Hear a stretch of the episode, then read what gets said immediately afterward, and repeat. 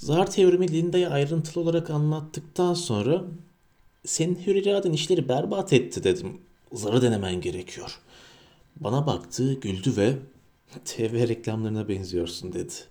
Her şeye rağmen Linda ve ben birlikte zar hayatı yaşamaya başladık ve tarihteki ilk zar hayatlı çift olduk. O da gerçek kişiliğinin sonuna geldiğini biliyor ve farklı kişilikleri yaşamaktan zevk alıyordu.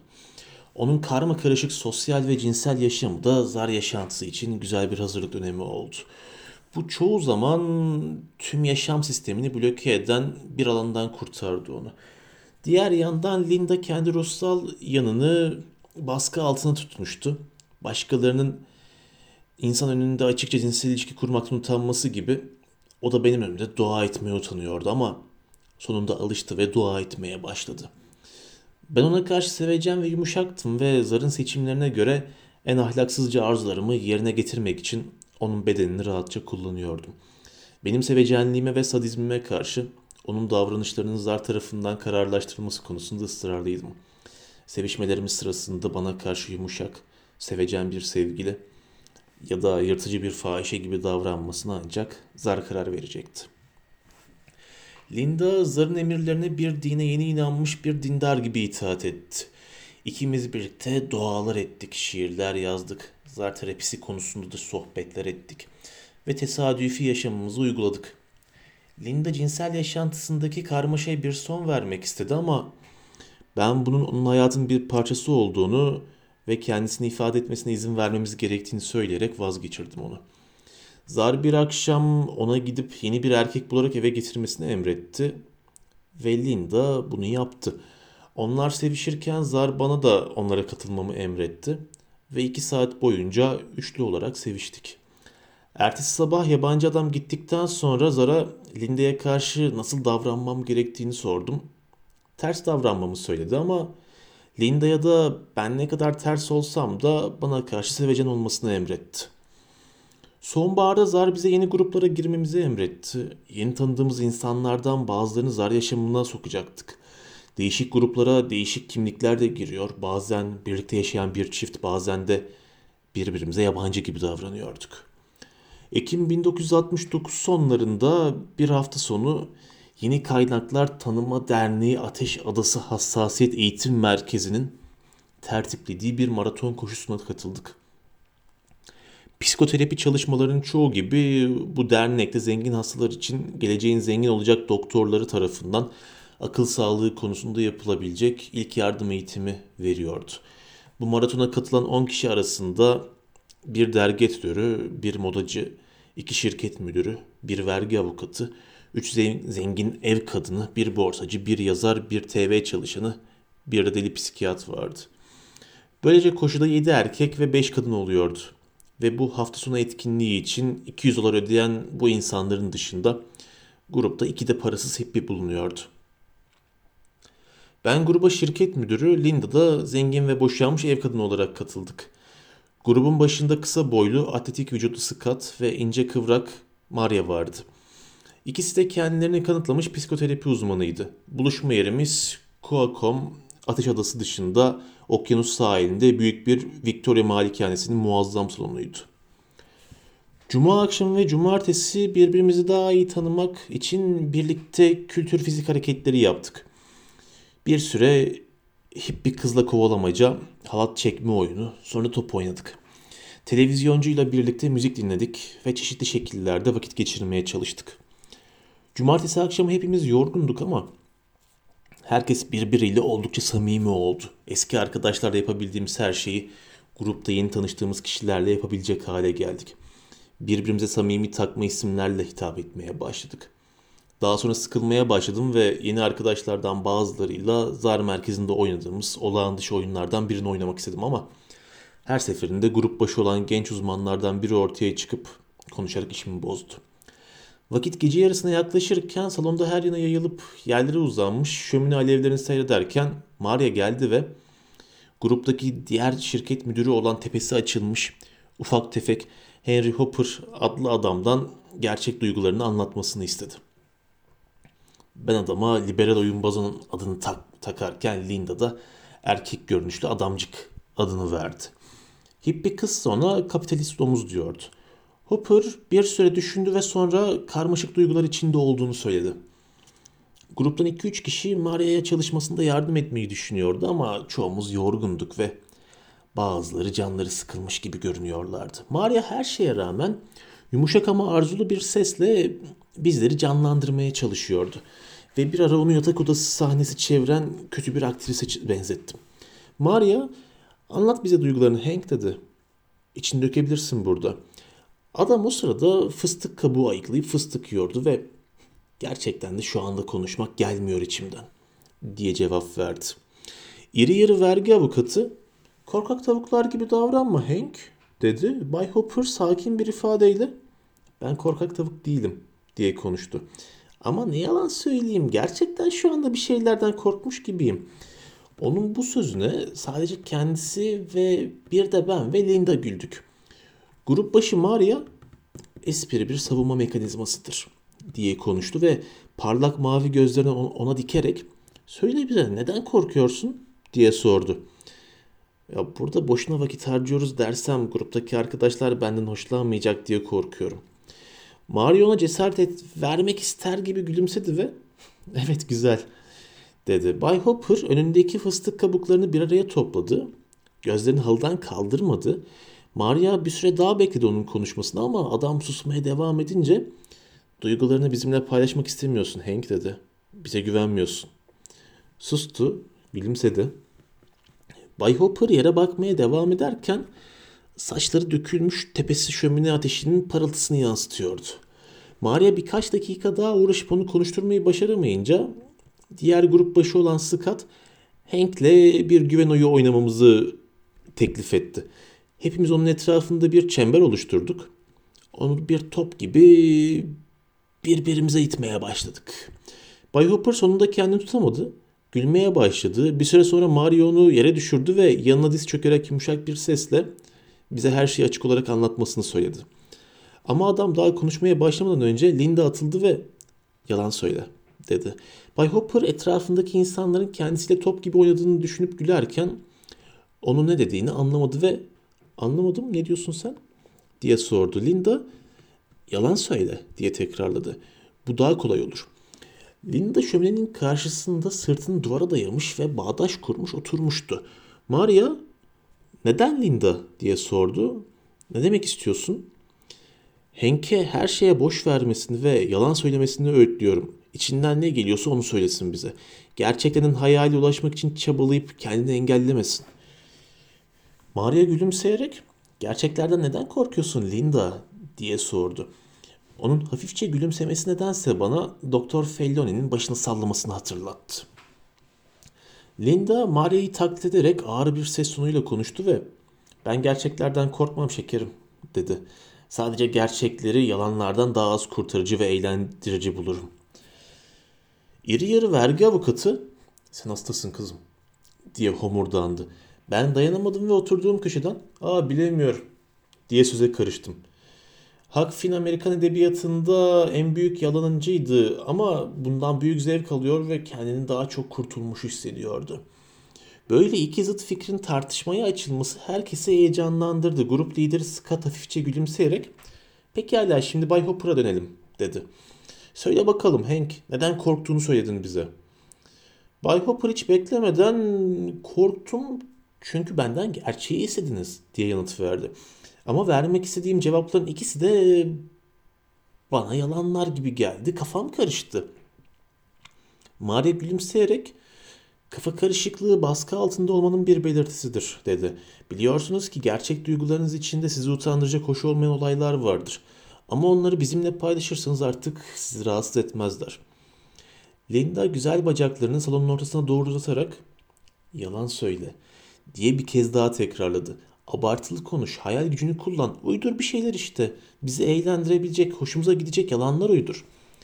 Maria gülümseyerek ona baktı ama gergin görünüyordu. Neden herkesin dikkatini üzerine çekmek istiyorsun Linda? diye sordu. Linda yalan söylemek hoşuma gidiyor diye cevap verdi. Eğer konuşamazsam yalan da söyleyemem. Dergi editörü lafa karıştı ve hadi canım dedi. Yalan söylemenin eğlenceli yanı nedir ki? Linda ona Dürüstmüş gibi görünmenin eğlenceli yanı nedir peki? diye bir soruyla karşılık verdi. Scott ya biz bir şey gibi görünmeye çalıştığımızın farkında bile değiliz diyerek tartışmaya katıldı. Linda ona belki de bu yüzden hepiniz gerginsiniz diye cevap verdi. Linda bunu söylerken gerçekten de Maria ve Scott'tan daha rahat görünüyordu ve diğerleri de bunun farkına vararak gülümsediler. Maria yalanlar bir tür gizleme yoldur dedi.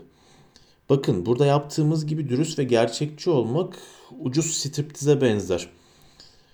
İnsanlarda kıçlar, memeler ve daneler olduğunu göstermek için bir sürü hareket yapılır ama biz bunların olduğunu zaten biliyoruzdur. Maria yumuşak bir ses ve samimi bir ifadeyle peki bunlar güzel değil midir yani Linda diye sordu. Ya bazen güzeldir bazen de değildir. Desteklemek istediğim hayale göre değişir bu. Maria insanların cinsel organları her zaman güzeldir dedi. Linda esnedi ve birden canı sıkılmış gibi son zamanlarda onlara bakmadın herhalde diye konuştu. Senin cinsel hayatınla ve suçunla gerçekten yüz yüze geldiğinden emin değilim. Linda cevap verirken yine esnedi. Onlarla yüz yüze geldim ben ama canımı sıktılar. Maria bakın can sıkıntısı derken Linda birden senin göğüslerin ve cinsel organın güzel mi peki? diye sordu. Evet ama seninkiler de güzeldir. O halde göster bize onları. O anda kimse de can sıkıntısı kalmamış gibiydi. Maria sırtını şömine ateşine vererek oturdu ve gülümseyerek gözlerini Linda'ya dikti. Scott yüksek sesle boğazını temizledi ve çalışma arkadaşına yardım etmek ister gibi öne doğru eğildi. Biraz düşündü ve sonra burada güzellik yarışması yapmıyoruz Linda diye konuştu. Sen hiç kuşkusuz Maria'nın her şeyi güzeldir. O da bunları bize utanmadan gösterebilir. Biz onları görmekten hiç utanmayız. Hadi görelim bakalım. Maria gülümsemekten vazgeçti, birden ciddileşti ve bunun için uygun bir ortam değil bu dedi. Linda güzel bir şeye bakmak için her ortam uygundur diyerek güldü. Hadi, hadi ama bizi bu güzellikten mahrum etme. Grup başkanı olarak benim burada rolüm biraz da Linda birden canlandı ve biraz mı dedi. Demek biraz ha? Yani sana göre duygular ve gerçek parçaları ayrılabilir mi? Bunu söyledikten sonra bluzunu çıkarmaya başladı. Maria buradaki arkadaşlarımın canlarının sıkılmasını istemiyorum dedi. Ya bizim amacımız gerçek davranışlara, gerçek duygulara ulaşabilmek. Yani şey bazı duyguları açığa. Fakat salondakilerin hiçbiri artık onu dinlemiyordu. Linda önce üstünü, sütyenini sonra da eteklik ve kilodunu çıkarmış. Sırtını duvara dayayıp oturmuş ve bacaklarını yana açmıştı. Çırılçıplak kalınca yine esnedi. Şömineden gelen aydınlık onun beyaz tenini daha da güzel gösteriyordu. Bir süre herkes dili tutulmuş gibi onu seyretti. Maria kendini zorlayarak yine gülümsedi ve yine canın sıkılıyor mu Linda diye sordu. Linda duvara iyice yaslandı, bacakların arasındaki halıya baktı, gözleri dolmaya başladı. Birden dizlerini göğsüne çekti ve elleriyle yüzünü kapadı, hıçkırmaya başladı. Sonra evet Evet dedi, utanıyorum, utanıyorum. Sustu ve ağlamaya başladı. Kimse konuşmuyor, elin, yerinden kımıldamıyordu. Maria dizlerinin üzerinde doğruldu. Linda'ya doğru sürünerek giderken böyle üzülmene hiç gerek yok Linda dedi. Linda başını iki yana salladı ve vücudum çok çirkin diyerek yine hıçkırdı. Dayanamıyorum buna. Bay Hopper önündeki fıstıkları yana doğru itti ve ben hiç de öyle düşünmüyorum Linda dedi. Mario'nun yanına varınca elini Linda'nın omzuna koydu ve vücudun çok güzel Linda sakın böyle konuşma dedi. Hayır hayır ben sürtüğün tekiyim. Saçmalama böyle hissetmen için hiçbir neden yok. Linda şaşırmış gibi başını kaldırıp onun yüzüne baktı. Gerçekten mi? diye sordu. Maria vücudun çok güzel Linda dedi. Linda birden doğruldu. Sırtını yine duvara iyice dayadı. Bacaklarını tekrar iki yana açtı. Evet galiba haklısın diye konuştu. Aslında her yerim güzel benim şikayet etmeme gerek yok. Bunu hissetmek isteyen var mı? Erkekler hafifçe öne doğru eğilmiş, ağızları sulanmış bir halde ona doğru bakıyorlardı ama hiçbiri konuşacak halde değildi. Linda memelerim ne güzel dedi. Dokunsana Maria. Bay Hopper ben gönüllü olarak yaparım bunu diyerek öne doğru eğildi. Linda samimi bir gülümsemeyle ona baktı ve Henüz olmaz Hank dedi. Ama Maria bunu hemen yapabilir. Hepimiz Maria'ya baktık. Genç kadın önce tereddüt etti. Sonra kararlı bir ifadeyle uzandı ve Linda'nın göğsüne dokundu. Sonra bacaklarını yokladı ve topuklarının üzerine doğrularak sıcak bir gülümsemeyle "Çok güzelsin Linda." dedi. Linda "Beni emmek ister misin?" diyerek hiç beklemediği bir soru sordu ona. Maria kızardı ama bozulmamaya çalışarak "Hayır." dedi. "Hayır, teşekkür ederim." Bay Hopper hemen atıldı ve "Sıram geldi mi acaba?" diye sordu. Scott sinirli bir ifadeyle Linda'ya "Sen neyi kanıtlamak istiyorsun?" diye sordu. Linda ona baktı ve Maria'nın dizine hafifçe vurup okşadı. Sonra Scott'a döndü ve hiçbir şey kanıtlamak istemiyorum dedi. Sadece canım böyle davranmak istiyor. Hepsi bu kadar. Yani sadece böyle davranmak istiyorsun öyle mi? Linda elbette dedikten sonra dizlerini yine önüne çekti ve samimi mavi gözlerini Bay Hopper'a çevirdi. Sanırım senin bir parçan bu olanlara sıkıldı değil mi Hank? Adam evet dedi ve tedirgin olmuş gibi hafifçe gülümsedi. Ama bir parçanız zevk alıyor bundan değil mi? Hopper güldü. Bir parçanda benim fahişe olduğumu düşünüyor. Hopper birkaç saniye düşündü. Tereddüt içinde kaldı ama sonra başını öne doğru salladı. Ama diğer bir parçan da benim buradaki en dürüst insan olduğumu söylüyor. Hopper hemen başını salladı ve çok haklısın dedi. Bunlardan hangisi gerçek Hopper peki? Hopper kaşlarını çattı ve derin düşüncelere daldı. Bir süre sonra öyle sanıyorum ki ben derken sözünü tamamlayamadı. Lanet olsun Hopper dürüst davranmıyorsun. Nedenmiş o? Daha hangi parçamın gerçek ben olduğunu bile söylemedim. Evet ama bunlardan biri sonrakinden daha mı gerçek? Ben birden sinirlenmiş gibi seni sofist kaltak diye bağırdım. Linda güldü. Sana neler oluyor koca adam? Sen gerçekten de sofist, riyakar, komünist bir fahişeden başka bir şey değilsin. E, sen de kocaman yakışıklı bir beyinsizsin. Ben ya güzel olduğun için bu zavallı Hopper'ı baştan çıkarmaya uğraştın. Sevdirdin kendini. Ama gerçek Hopper seni çok iyi tanıdı. Ucuz, kaçık, kocasını kaçırmış bir fahişe olduğunu hemen anladı. Diye devam ettim. Scott bana doğru eğildi ve ''Hey dur bakalım beyefendi'' dedi ama ben konuşturmadım onu. Ben bunun gibi kadınları iyi tanırım Scott diye devam ettim. Ucuz seks teknikleriyle zengin adamları tuzaklarını düşürür. %100 gerçek Amerikalı erkeklerin hayatlarını zindana çevirirler. Hepimiz tanırız bu tipleri. Hastalıklı anarşist tipbiler, sofist kaltaklardır bunlar. Linda'nın dudakları büzüldü, gözleri doldu.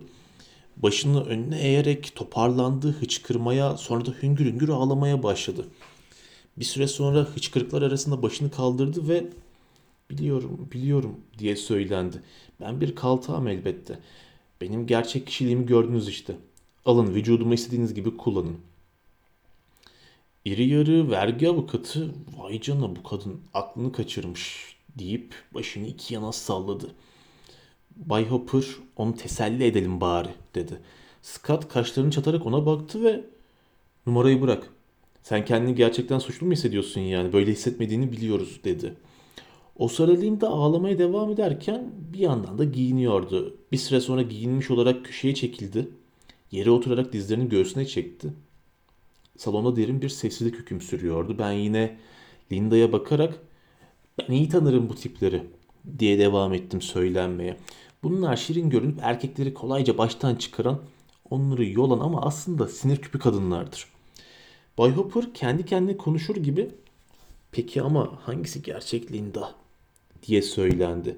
Ben sinirli bir ifadeyle kimin umurunda dedim. Linda başını kaldırdı esneyerek kimin umurunda diyerek beni taklit etti.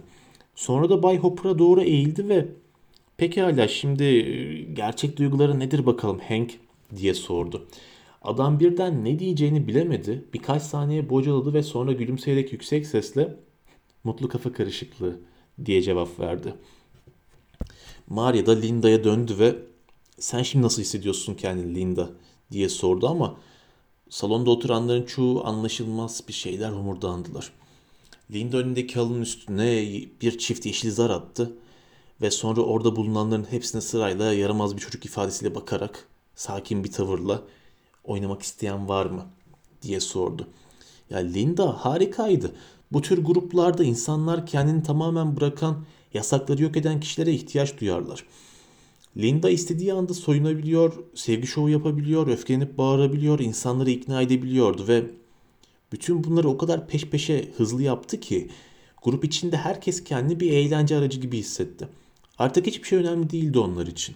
Grup arkadaşları görevli iki kişiden çok bizimle ilgilenince bizim gerçekler ve dürüstlüğe fazla önem vermediğimizi anladılar. Biz iyi ya da kötü davranışları, rol oynamayı ve rol dışı davranmayı, iyi kötü her rolü gerçeği ve yalanı olduğu gibi kabul ediyor, doğruluyorduk. Gruptan biri gerçek kimliğini ortaya koyup diğerlerini de gerçeğe davet ettiğinde biz zar oyuncularımızı onu umursamama ve zarların verdiği rolleri oynama konusunda ikna etmeye çalışıyorduk.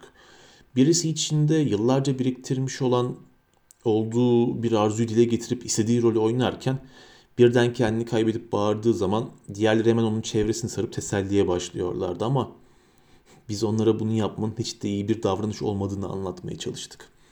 Bağıran kişi rahatsız edilmemeli ya da oynanan roller içinde karşılık verilmeliydi ona. Biz onlara şunu anlatmak istedik. Zar onlara emretmedikçe ne ölümsüzlük ne de duygusal çöküşler lanetlenme ya da acınmaya hak kazanamazdı. Onlara grup zar oyununda her zamanki oyunlardan, kurallardan ve davranışlardan özgür olduklarını göstermek istedik. Burada her şey sahteydi. Gerçek olan hiçbir şey yoktu. Hiç kimse, özellikle de biz elebaşları güvenilir değildi. Bir insan tamamen değersiz, gerçek olmayan, dengesiz, uyumsuz bir dünyada yaşadığına inandığı zaman bütün benliklerinden sıyrılmış, özgürlüğünü kazanmış olur. Tıpkı Zar'ın söylediği gibi. Bu vakalarda diğer grup üyeleri içlerinden birinin çöküşüne geleneksel yöntemle cevap verirlerse bizim çabamız boşa gider. Acı çeken kişi korkar, utanır. O zaman da grup zar oyununda bile gerçek dünya ve geleneksel dünyanın varlığına inanır. Onu engelleyen de gerçek dünyayı oluşturanlar konusunda kurduğu hayallerdir. Onun gerçekçiliği, mantığı, onun kafasındaki toplum fikridir bunlar ki hepsi yok edilmelidir. O sonbahar aylarında Linda ve ben bu konuda elimizden geleni yaptık.